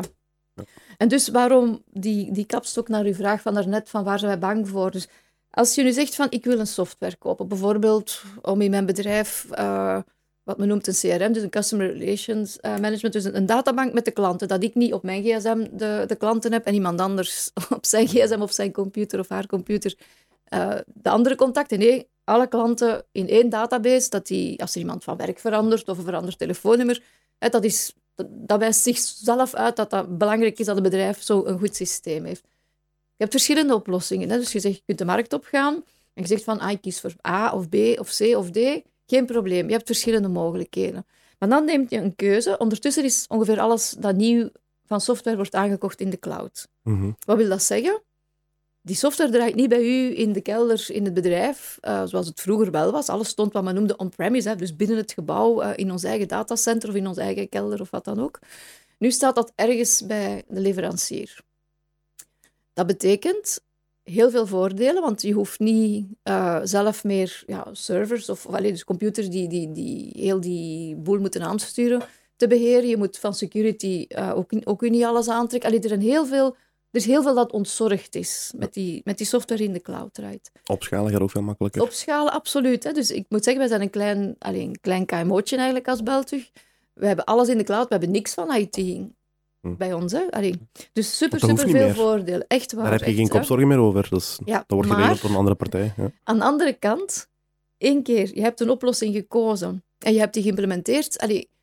Zo'n zo'n klantendatabase, je begint dat dan te verbinden met andere zaken, want welke offertes hangen eraan? Zijn die facturen al gedaan? Dus je begint dat helemaal met je, je bedrijfsvoering te combineren. Het gaat van sales naar accounting en naar finance. Dat is zo. en- Ja. of je bouwt daar spulletjes bij en zo. Dus je zit vast. Dus dat is wat dat men noemt van, je zit met een vendorlock in. Mhm. Want heel je bedrijfsvoering gaat meer en meer daaraan samenhangen. Dus eigenlijk zit je niet op het moment dat je de software koopt in een, in een gebrek aan concurrentie, maar één keer heb je hem geïmplementeerd, dan heb het. je een probleem. En dus wat dat wij zien, dus we hebben binnen België wat dat wij noemen een aantal taskforces. Dus waar daar, we hebben eentje rond privacy, we hebben eentje rond security, maar ook eentje rond softwarecontracten. Mhm. En dus wat zien wij als we met die mensen spreken? Dat je zegt van, je krijgt nu ook de keerzijde van het cloud-verhaal. Je zit vast, hè, je kan zomaar niet, mm, niet veranderen. En dat weten die aanbieders natuurlijk ook. En dus ze hebben een aantal praktijken ondertussen die misschien niet onwettig zijn, maar die het wel heel lastig maken. En die praktijken, we hebben er nu elf geïdentificeerd, samen met die andere drie organisaties van Frankrijk, Nederland en Duitsland. En die bespreken wij nu met de commissie, omdat de commissie ook wel ziet van oei, het is niet goed dat we zo afhankelijk zijn van niet-Europese software. Trouwens, dat geldt ook voor Europese software. Allee, men moet geen misbruik maken van de situatie. Mhm. Maar er zijn een aantal zaken. Dus stel dat onze leverancier van eh, een bepaalde software morgen zegt, we verdubbelen de prijzen. Mhm. Wat moeten wij doen? Nee, Dus dat is worst case scenario dan. Dat kan, hè? Dus dit is worst case scenario dat de prijzen in één keer verdubbeld kunnen Prijzen worden. is, is makkelijk te begrijpen. ja, Maar dat je is ook kan, zo. Dus kan ook, wat, wat er ook heel veel gebeurt, is een wijziging van, van modellen, hoe dat de prijzen berekend worden. Bijvoorbeeld, een, een, een een bedrijf dat een software heeft waar dat, eh, de facturatie mee gebeurt. Ja. En dus een grote bank zegt, oké, we gaan die, die business case, we gaan dat een keer berekenen, wat dat die software ons gaat, gaat kosten. En ze maken een berekening zoals het voorgesteld wordt. Je betaalt per factuur 0, ik weet niet hoeveel cent. Oké, ze maken die business case, zeggen zoveel facturen per jaar, maal zoveel, plus nog dit en dat en dat. Dat gaat nog zoveel kosten, ze gaan daarmee verder. Die software wordt geïmplementeerd. En dan zegt dat bedrijf in kwestie, we gaan dat toch anders doen. We gaan niet meer rekenen per factuur, we gaan rekenen per lijn op de factuur. Mhm. Wel aan een lagere prijs, maar allee, uw, model verandert. Hè. Dus stel, België, wij, hebben- wij hebben nu maar één product. Wij verkopen alleen lidmaatschappen. Mhm. Simpel. Maar ik zou dat lidmaatschap kunnen zetten. Op die factuur staat nu lidmaatschap 2022, één lijn. Maar voor hetzelfde geld zou daarop staan deelname aan activiteiten, eh, checklist, eh, allee, de voordelen van de lobbying. Je maakt de factuur niet in functie als je van hoe, dat, ja. hoe dat de software ge- gefactureerd wordt. Hè. Klopt. Een, een ander voorbeeld is, is van, van een, een, een, bioscoopcomplex. Die hebben een, een, een, software om de, de ticketmachines eh, te bedienen. En ze betalen een prijs per machine per maand. Duidelijk. Zoveel machines, zoveel per maand, maal zoveel. Dat gaat met zoveel kosten. Los van hoeveel tickets je verkoopt. Maakt Ja. niet uit. Ja. Dus op een bepaald moment komt de leverancier van die software en die zegt: We gaan dat anders doen. Het is niet meer per toestel, het is per gebruiker die gebruik maakt van dat toestel. Maar dus die, die bioscoop die zegt: Ja, maar er zijn hier jobstudenten, op een avond zijn er misschien vier. We weten het zelfs niet, want dat is niet dat wij dat allemaal gaan noteren van welke student staat op welk uur Mhm. aan welk machine. Dus je zit zo met een aantal zaken dat je nu voelt, cloud heeft heel veel voordelen en ik wil echt allee, absoluut groot pleitbezorger voor cloud. Mhm. Maar er zijn een aantal bijwerkingen, ook omdat het nog allemaal niet zo heel matuur is, dat je zegt van, dat moeten we niet blijven aanvaarden. Ja. En dan zitten we weer bij de lobbying. Uiteraard. Ja. En ook bij het feit dat het monopolie gewoon niet goed is. Ja, en dus het is niet monopolie in, in, in de zin van vroeger je hebt één aanbieder. Het is monopolie van, ik kies voor een software en dan zit ik in een de facto monopolie een beetje. Ja, dat dus het is een vast. ander soort, want we hebben dus eh, discussies gehad met de vorige Europese Commissie, met de mensen die voor de mededinging eh, moesten zorgen. En die zeiden, ja, wij kunnen niks doen, want wij komen tussen als er geen, niet genoeg spelers zijn op de markt. Als je niet kan kiezen, als je iets wil kopen, maar die keuze is er wel. Mhm. Dus dat gesprek stopte. De nieuwe Europese Commissie, eh, vooral met Margarethe Vestager, die een heel sterke com- commissaris is eh, voor, voor mededingen en concurrentie, ehm, die zijn nu, ja, er is ergens iets veranderd. Dat ze zien van, nee, nee, we moeten daar, daar anders naar gaan kijken. Ja, ja, ja. ja. Nice. Ehm, voor de consument, of wat, wat, wat, wat eh, invloed heeft op de consument. Als we denken aan verschillende bedrijven die dan bijvoorbeeld onze data verzamelen, hè, Mhm. ehm, wat, kunnen we, wat kan de consument verwachten? Want ik denk bijvoorbeeld, dat heb ik met, met Imran ook besproken, en hij zei van, ja, wat voor dingen kunnen we vragen, en, en, en Daniel dan? En ik dacht meteen aan bijvoorbeeld hè, de Colruyt, met hun extra kaart. Het zal niet enkel de Colruyt zijn, maar ik ben Ja. een valse klant bij de Colruyt, dus ik weet het. Ehm, reclame voor... Gratis. Gratis reclame. Jojo, beep de Colruyt. De C-word. De C-word. Dat is de C-word. Ehm, nee, maar ik weet bijvoorbeeld, zij hebben hun extra kaart. ehm, en ik ben er 100% van Hm. overtuigd dat die, dat die dat gebruiken ook voor, voor dingen aan te bevelen aan mij. Om, en weet ik veel wat. En dat vond ik persoonlijk vond ik dat al redelijk indrukwekkend. Ja, ja, maar dat is wel iets waar dan een heel mooie evolutie is aan, Ja. aan het komen. Dus iedereen maakt zich zorgen, oké, je hebt... Dan zit je weer met dat ethische, hè, van, Mhm. je zal bedrijven hebben die zeggen van oké, wij doen dat in een, in een bepaalde context of aan klantenbinding of weet ik veel wat, maar je kan evengoed misbruik gaan maken. Hè. Dus we zien wat er, wat er bijvoorbeeld op sociale media eh, van, van data verzameld wordt, waar dingen mee gebeuren die eigenlijk eh, niet altijd oké zijn. En dus dat is een heel mooi initiatief van een van de oprichters van het internet. Mhm. Dus Sir Tim Berners-Lee, die zegt, goh, met een baby, dat internet is wel een enorm succes geworden, maar er zijn een aantal kwalijke gevolgen, vooral rond data, want eigenlijk gaat het daarom. Hè. En dus hij heeft nu een project opgestart en het toffe is dat daar een aantal eh, Belgische universiteiten heel, heel nauw bij betrokken zijn. Ehm, en dus men, noemt dat ja, SolidPod, dat is nu een hele rare naam. Allee, dat zegt niet veel, maar dus de bedoeling is, maar dat- het is nog in kinderschoenen, hè, maar de bedoeling is om eigenlijk als persoon, dus jij, allee, wij, wij hier alle drie, of alle vier, sorry, Jens zit er ook, eh, dus dat wij ba- baas zijn over onze eigen data. Dus dat jij zegt van, kijk, die data die ik heb, wat ik koop, of wat ik eh, like, of wat, allee, weet ik veel wat, allemaal die data van mij, die zijn van mij, die zitten in een soort kluisje, een datakluisje. En ik ga per aanbieder die daar eh, iets mee wil doen, kan ik zeggen, kijk, Colruyt, die mogen die gegevens hebben. Of Facebook, die mogen die gegevens hebben. Of, allee, dus dat je eigenlijk zelf... Het, het, het wordt allemaal op zijn kop gezet. Ik wou, Ja? ik wou u, mijn volgende vraag Ja? ging nog iets dieper in op Ja. wat jij net ging zeggen. En ik denk bijvoorbeeld dat er een tijd gaat komen waarin wij onze eigen data of onze eigen Hm. voorkeuren gaan verkopen.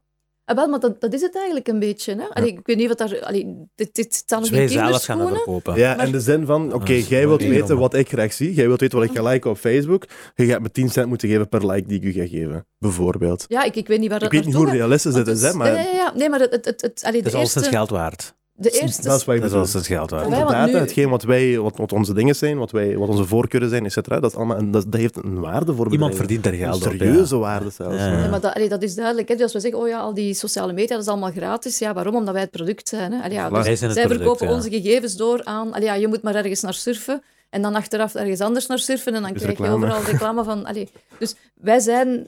Onze data worden nu verkocht aan adverteerders en aan, aan, aan dergelijke. Hè. Dus het, het bedoeling is, en ik vind het echt een, een schitterend initiatief, ik hoop ook dat het lukt, dat elke persoon zegt van, kijk, dat zijn mijn gegevens en ik bepaal wel wie dat daar wat mee mag doen. Ja. Al of niet tegen betaling, dat weet ik niet, zover staan die modellen niet, maar het heel fijne is dat de Vlaamse regering enorm veel geld heeft uitgetrokken om dit op Vlaams niveau al uit te rollen. Ah, dus men ja. heeft een Vlaams nuts, een datanutsbedrijf, zoals je de Fluvius, hè, je hebt het Ja. er straks uitgehaald voor, voor vroeger de, elektriciteiten en dergelijke. En dus dat je nu zegt van, kijk, we gaan een, een, een datanutsbedrijf maken, eh, net om, om, om, om dat soort ja, paradigma, eigenlijk om dat soort eh, mogelijkheden te gaan voorzien. Dus ik ben super, super benieuwd waar dat gaat eh, naartoe Wel, gaan. daar, daar ben ik Ja? ook wel benieuwd naar. Ja, ja, ja. Maar ik denk, Ja. we gaan nog veel grote shift, shiften meemaken, denk ik. Ehm, Wel, ik, ik, was, ik ben nu 57, hè, dan denk ik, oké, hè, als ik kijk naar de generatie van, van, van mijn ouders of, of, of de tantes en zo, dan denk je van, oei, ja, die mensen die hebben het toch moeilijk. Sommigen doen hun best om, om toch nog eh, elektronische bankieren of, of zo, maar voor heel veel van die mensen is dat van, oei, allee, zelfs hè, telefoon of, of weet ik veel wat. Dus dat, dat die zich helemaal soms aan de kant worden gezet van, ik, ik kan niet mee. mhm. En ik was daar met iemand over aan het spreken en die zei tegen mij, maar jij kunt ook niet meer mee. Ik, was, oh, ik kan dacht, ik dacht, ben ik toch nog, nog goed Toen moest je denken aan TikTok. En wel, ja, inderdaad. Want TikTok en al de mensen die nu... Zij zei, hè, want dat is iemand die, die, die CEO is van een, heel groot, eh, van een heel grote organisatie. En zij zei, ja, maar kijk, al diegenen die nu bij ons komen solliciteren, die vinden dat heel raar dat die met e-mail moeten werken hier. hè. Ah, Maar Dat nee, maar, weet je niet. ja, en In dan plaats denk ik, van ja, maar- wat dan? Ja, omdat die gewoon zijn om, om, om, om, om met berichtjes en chatten. Ah en, ja, en zo. die- Ja, echt die- waar. die- Oké, ja. Ja, allee, ik weet niet hoe oud jullie zijn, maar... ja, we zijn ook nog jong, maar Ja, de 25. e-mailgeneratie, is die- of de e-mail, Ja, de e-mails gaan die ja. er ook al uit, of wat? Ik hou van e-mails, hè. Ik ben ook een voorstander. Ik hou Dat is van veel e-mails. overzichtelijker. Dat is ook veel overzichtelijker, ja. Voilà. Maar, want dat is zoals uw vrouw zegt van, ik hou van mijn papieren agenda. Ja, ja, dat is waar. Dus ja. ik dacht van, ja, die heeft eigenlijk gelijk. Van, een ergens- beetje die het- en resistance het gaat to change. alleen maar sneller gaan. Hè? Dus het, we staan echt wel nog voor heel grote uitdagingen. Hoor. En als we het nu, dus ik zei net, resistance to change, hè, weerstand tot verandering, dat is, dat is een gekend probleem. Hè, Mhm. binnen, binnen, binnen veranderingsmanagement, binnen alles wat met verandering te maken heeft. En alles is effectief verandering. Ehm, dus die weerstand tegen change is een, ik weet dat vanuit mijn opleiding dat dat, dat, dat wel een probleem is. Ja, dat zal wel zijn. Ja, dat, dat is een serieus probleem. Hè. Het simpelste voorbeeld daarvoor is als je, ergens, ja, als, als je ergens bij een bedrijf gaat werken, bijvoorbeeld iemand werkt bij Fluvius, stel je voor, die werkt er al eh, tien jaar lang en die doet alles al tien jaar lang zoals hij het wil doen. Ik zeg tegen hem, je kunt het beter op deze manier doen, want dat is veel efficiënter, we gaan meer kosten besparen, bla bla bla. Iemand gaat zeggen, kerel, ik doe dat al tien jaar lang, je gaat me niet zeggen hoe ik dat moet doen hier. Dat is waar, Hè? ja. Dat is die weerstand Ja. tot change. Dat is die Wel, weerstand tot verandering. Kom je echt tot de essentie van ons werk. Hè? Als ik zie, dus alles wordt altijd anders. Er komen altijd nieuwe producten. Je krijgt mee de markt, er komen andere spelers. Dus het is altijd verandering, verandering. En dus het digitale, dat gaat niet over die technologie, want die technologie die evolueert razendsnel en die werkt goed. Maar de mensen, allee, ze mee laten stappen in het verhaal, hun motiveren, laten inzien van wat de voordelen zijn. En pas op, het loopt ook niet allemaal zoals het zou moeten. Hè? Mhm, Er nee, zijn ook dingen dat je zegt, er zijn heel veel voorbeelden van, van verkeerde digitalisering ook. Hè? mhm, Uiteraard. Ja, ja, ja. daar een voorbeeld geven van een verkeerde digitalisering? Kom nu op niks, maar... Oh, maar ik kan je een voorbeeld Ja. geven. Wel, België is dus, zoals gezegd, een kleine organisatie. We zitten met zes mensen. We zitten dus 500 bedrijven die lid zijn, 2000 mensen die, die lid zijn. Wij moeten dus facturen maken naar die verschillende bedrijven die lid zijn. Dat is het enige van facturatie dat wij moeten doen. Dus we zitten in een luxe situatie, hè, want dat is gewoon die lidgelden factureren één keer per jaar. Maar dus we zitten natuurlijk met al die grote organisaties. En die zijn allemaal hun facturatieprocessen aan het, eh, aan het digitaliseren. En dan heb je dus een aantal bedrijven die zeggen factuur op papier. Zo zijn er nog tien. Van nog mee, hè. Factuur moet op papier. Zo hebben Er we zijn nog tien. bedrijven die zeggen, we, Ja, tien. Dan hebben we er die zeggen op papier en elektronisch eh, met een pdf is goed. Dan heb je er de, de meer moderne. Ik moet zeggen, daar, de Vlaamse overheid is daar een voorbeeld, eh, voorbeeldrol eigenlijk. We willen dat volgens bepaalde standaard, dat we dat direct in onze systemen kunnen inboeken. Maar dus, dan heb je ook heel veel bedrijven zeggen, ja maar wacht, voordat jullie aan ons een factuur kunnen sturen, moeten jullie erkend worden als erkende leverancier. Mhm. Het gaat over een onnodel lidgeld. Hè? Maar bon, dat zijn de procedures, respecteren dat. Maar dan kom je dus in verschillende systemen terecht. Ik heb eentje zelf gedaan, omdat de, de mevrouw die normaal de boekhouding en de administratie doet, omdat die ons kantoor aan het verhuizen was. Ik zeg van, ik zal wel eens even aan het overnemen. Dan heb ik dat gezien. En dan, soms is daar dus een PowerPoint-uitleg bij, van doe nu dit. En het volgende scherm moet je dat invullen. En op het volgende... Maar dus je krijgt dan heel veel administratief werk aan de kant van je, Ja. van uw aanbieder, om, om die facturatie die jij ergens gedigitaliseerd Ja. hebt te werken, dan denk ik van, dit is het ook niet, er zouden moeten standaarden of... Ja, ja. Dat niet iedereen kan zeggen, ik wil het op deze manier, Ja, ik ja, wil ja, het eh, met, Daar op ben een ik echt van krijtbord, met geschrokken. krijt. een, al- een, een ja, ander bedrijf ja. doet dat met één klik op de knop. Ja, het is, het heel, daar, veel, heel, heel verschillend. Dat, omdat we het nu zien, omdat we met zoveel, zoveel organisaties te maken hebben. Ja. Hè? Ja, maar ik wou eigenlijk op een punt komen. Eh, mijn punt is dat ik denk, en dat is ook een beetje wat je daarnet zei, hè, dat die vriendin van u zei van tot een week geleden waren er allemaal computers, nu is het allemaal vervangen door laptops, Ehm, om, om daarop verder in te spelen en met, dat, met die verandering dan. Ik denk dat de bedrijven, een beetje de survival of the fittest, hè, eh, ik denk dat de bedrijven die zich het beste aanpassen, of die, die change, die verandering het beste omarmen, Ja. dat zij het meest, de, de grootste kans op succes zullen hebben. Ja, Eh, dat, dat willen ze nu allemaal, hè, maar dat is Ja, niet gemakkelijk. Hè? Maar ik vind Ja. het gek dat er dan nog altijd bedrijven zijn die zeggen nee, we gaan papier gebruiken. Maar ik, ja, papier gebruiken, ja, van die tien, dat wil ik nu niet, dat zijn nu niet de Nee, nee, Nee, dat voorbeelden. zijn hè. uitleggen. Maar de meeste ja, allee, zijn, zijn wel, zijn wel oké met, met elektronische facturatie. En, en dus, ik moet zeggen, we hebben dus van de, van de allee, pakt 420 facturen die we net hebben verstuurd. Er zijn er eh 60 die we niet hebben kunnen versturen, omdat er, dat we noemen die dan de specialetjes, Mhm. de exceptions. Dat is wel veel eigenlijk. Ja. En al de rest kon gewoon in bulk. Maar dus 60 op 400. Dat is apart. ja. 30, dat is, dat is wel een groot pak. Wat dat iets is, dat de, ja, enfin. Maar eh, nee, maar er, zijn- er zijn andere, andere zaken. Allee, heel, heel, een andere vriendin, ik veel vriendinnen, een andere vriendin die is eh, gastprofessor aan een, aan een hogeschool. En dus zij, zij ging examens afleggen. Dus de dag dat de examens moesten afgelegd worden, gaat ze naar het lokaal, ze kon niet binnen, ze had geen toegang. Allee, dus dat was zo'n heel... Dat je zegt, oké, waarom is dat hier niet geregeld? Je zou toch denken van al die, die gastdocenten, dat daar ergens een, een, een, bijvoorbeeld een, een template is van een Excel. Dat hoeft niet meer te zijn als dat. Om uw planning te maken van welke student komt voor het mondeling examen wanneer. Dat, dat zij ook weet, waar moet ik allemaal aan denken. Hè? Je moet denken aan de middagpauze, je moet denken van, kan ik niet lokaal binnen? Dat ik denk, maak daar gewoon één keer een checklistje van en dan is dat voor iedereen goed. Dan niet iedereen... Dus er is nog, er is nog echt heel, heel veel... Dat dat ik van, hmm, dat kan, er is nog veel ruimte voor verbetering. Maar wat dat jij zei, is moeilijk. Hè? Want je zegt, mensen hebben gezien, mensen die rap konden schakelen of mensen die niet rap konden schakelen. Mhm. Dat is een gigantisch verschil, maar dan kom je weer met dat pijnpunt. Men gaat ervan uit dat lange termijn strategie van ah, we gaan milestone volgend jaar, een milestone over drie jaar, gaat het niet meer zijn. Hè? Je gaat ergens naar een, een doel toewerken, maar hoe dat, dat dan onder, on, allee, ondertussen juist dat pad gaat verlopen, dat, dat ga je niet meer kunnen bepalen. Net omdat er zoveel onzekerheden zijn. Alles is veel minder Ja. dan vroeger. Maar ja, maar dat is voor heel veel mensen een enorme uitdaging. Hè? Heel Uiteraard. veel, allee, mensen hebben niet graag onzekerheid. Ja. En nu wil ik eigenlijk mijn, mijn eigenlijke punt maken. Ehm, want we hebben het er net ook gehad over dat België redelijk traag is met die nieuwe ontwikkelingen. Dat, dat België redelijk traag is met het mee in de boot stappen. Ehm, als we het dan hebben over bijvoorbeeld digitalisatie. Ehm, Oh, ik denk dat dat een heel gemengd beeld is. Men, men zegt wel, als je kijkt naar de... Je hebt zo van die rangschikkingen van de OESO en zo, en daar, daar scoort België niet, niet zo goed. Maar wij doen ook wel heel goede dingen ook. Dus ik, vind dat ook moeilijk. Een land is niet goed bezig. dat is eigenlijk helemaal... niet Nee, nee, dat is eigenlijk nee, nee, nee, helemaal maar dat zeggen die indexen soms wel. En dat, Ah, oké. dat vind, want er zijn mensen. Dan moeten die mensen... indexen hier eens aankloppen. We zullen zien hoe de... Nee, maar Dat dat, is zijn statistieken. Hè, dat, zijn, regelen. dat zijn gemiddeldes. Dat is, allee, een gemiddelde verbergt een, een heel gevarieerde ja, waarheid erachter. hè. Dus Uiteraard, hè, dat is gemiddelde zo, zijn ja. bullshit eigenlijk. Hè. Ja. Ehm, Zo van, ja, je, je kunt verdrinken in, in, in een vijver van gemiddeld 5 centimeter diep. Ja, voilà, daar heb je niet veel aan. Hè. Dat is, dat is een, heel, dat is een Nee, easy way zie- out. Ik zie echt heel mooie dingen ook, dus ik vind dat niet... Nee, nee, daar ga ik mee akkoord, ja. uiteraard, hè, tuurlijk. Ehm, er zijn sowieso mooie dingen, ook hier in België natuurlijk. Eh, maar wat, wat ik mij afvraag is wat, is, wat zorgt er dan voor dat België in het algemeen toch wel wat trager is dan andere landen? De complexiteit van ons land. Omwille van de verschillende regeringen, allee, we zijn, we zijn niet zo groot. Hè? Dus je kijkt dan naar digitalisering van de scholen. Super, Mhm. super belangrijk. Onderwijs is het belangrijkste dat we hebben. Exact. Maar dan project voor. Brussel, project voor Vlaanderen, project voor Wallonië. Dus die doen eigenlijk hetzelfde, maar op een andere manier. Dat is nu maar een, een, een concreet voorbeeld, maar zo is dat met alles. Hè. Ja, ja, ja, Dus wij zitten zoveel te versnipperen. Dus dat is voornamelijk Ik omwille vind van toch, dat. allee, als ik zie naar het digitale, dat is maar het wereldje dat ik ken, dan denk ik, oh, er zouden zoveel ja, zaken logischer kunnen als we dat een beetje groter zouden Mhm. aanpakken. Mhm. Er zijn ook grote personeelstekorten in de IT-sector. Wat, is, wat zou uw advies zijn? U bent geen beleidmaker, maar wat zou uw advies zijn aan de beleidsmakers om daar iets aan eh, te kunnen veranderen? Of aan misschien de mensen die luisteren zelfs?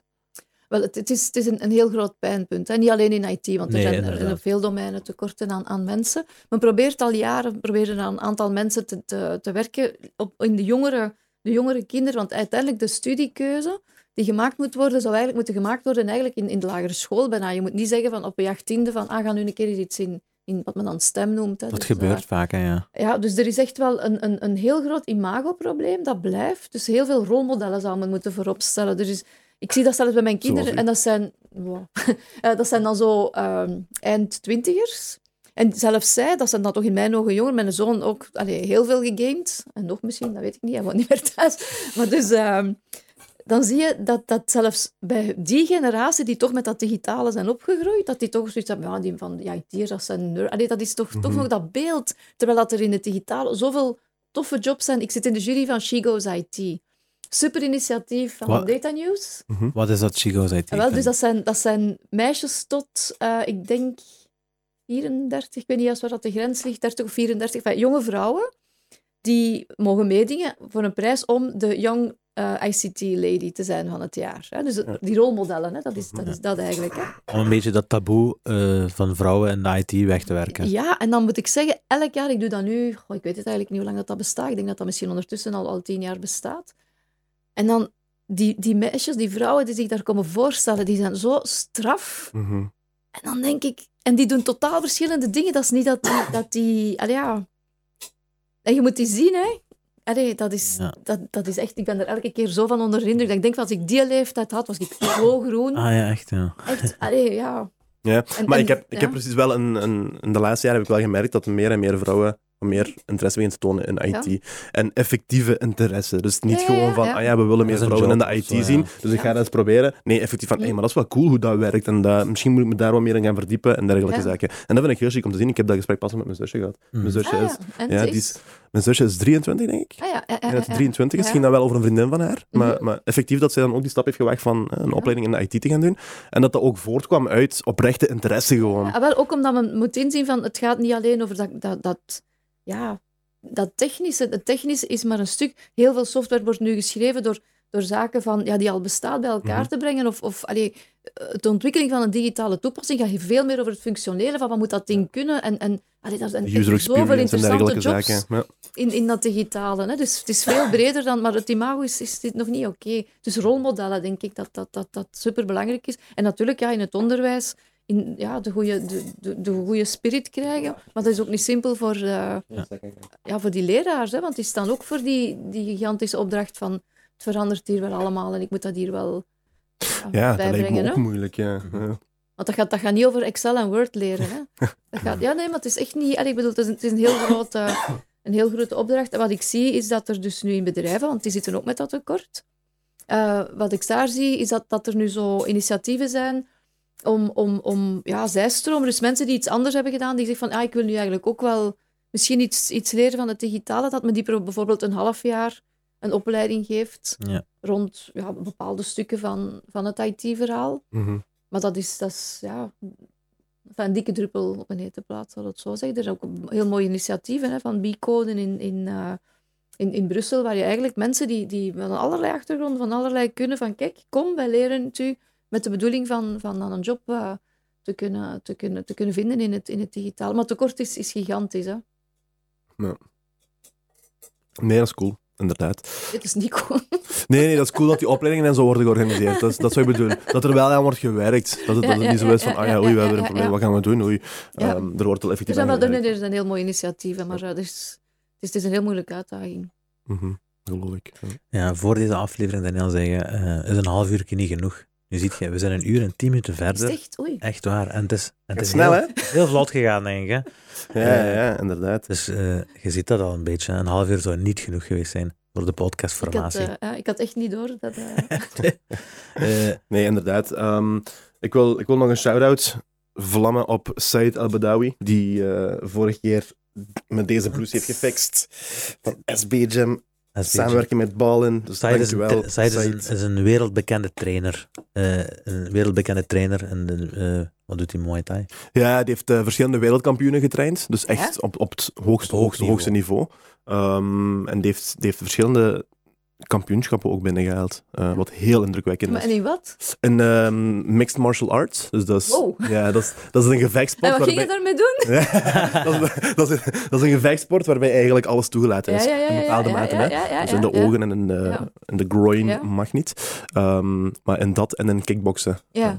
En, en wat ging je met die man doen? Ah, wel, we, hebben die, we hebben die vorige week geïnterviewd. Ja? Ehm, en toen heb ik deze blues van hem gekregen. En dat apprecieer ik. Want ik ben een serieuze fan daarmee. Daniel, eh, bedankt om te komen. Bedankt om eh, wat ik vond te moeilijk te begrijpen, om een beetje in mensentaal te, eh, te gieten. Ik vind dat het, ja, het was dat is een dikke happy ik, ik vond het een, een, een heel interessante aflevering. Informatief. Ik denk dat mensen heel veel. ik denk dat er goed wat bijgeleerd kan worden ook. Hopelijk dat we me- mensen kunnen motiveren ook om in de IT-sector te gaan stappen met het laatste onderwerp. Inderdaad, dat zou mooi zijn. Hè? En ik hoop, wat ik vooral hoop, is dat er veel, ehm, hoe moet ik het zeggen, veel van die wazigheid zo, is opgeklaard. Als we het hebben over bijvoorbeeld 5G, Mhm. als we het hebben over bijvoorbeeld GDPR en, en cybersecurity. Want ik kan me inbeelden dat veel mensen eigenlijk niet zo goed Weten. beseffen ja, welke nut of welke implicaties dat heeft voor de gewone mens, voor de consument, GDPR en, en Ja, privacy. ja, ja. Ehm, dus ik denk dat we, daar, dat we het daarin wel goed hebben gedaan. En daarvoor hartelijk bedankt voor uw kennis, uw ervaring en uw vlotte mond, want dat was Ja, ook super interessant. heel plezant. Ja, Ja, Ah, ik- dat is Helemaal nice. anders dan anders. Ja, dat, is, dat is wat we zijn, anders dan anders. Voilà. Mensen, bedankt voor het kijken. Eh, elke, elke zondag om 8 uur komt er een nieuwe aflevering. Eh, dus je weet wat je kunt te verwachten hebben. We hebben een reeks dikke gasten opstaan. Echt een, eh, een star-studded cast eh, in deze. Hollywood-film die we dan op, op aannemen. Ehm, nogmaals bedankt voor het kijken. En een fijne avond verder. Cheers.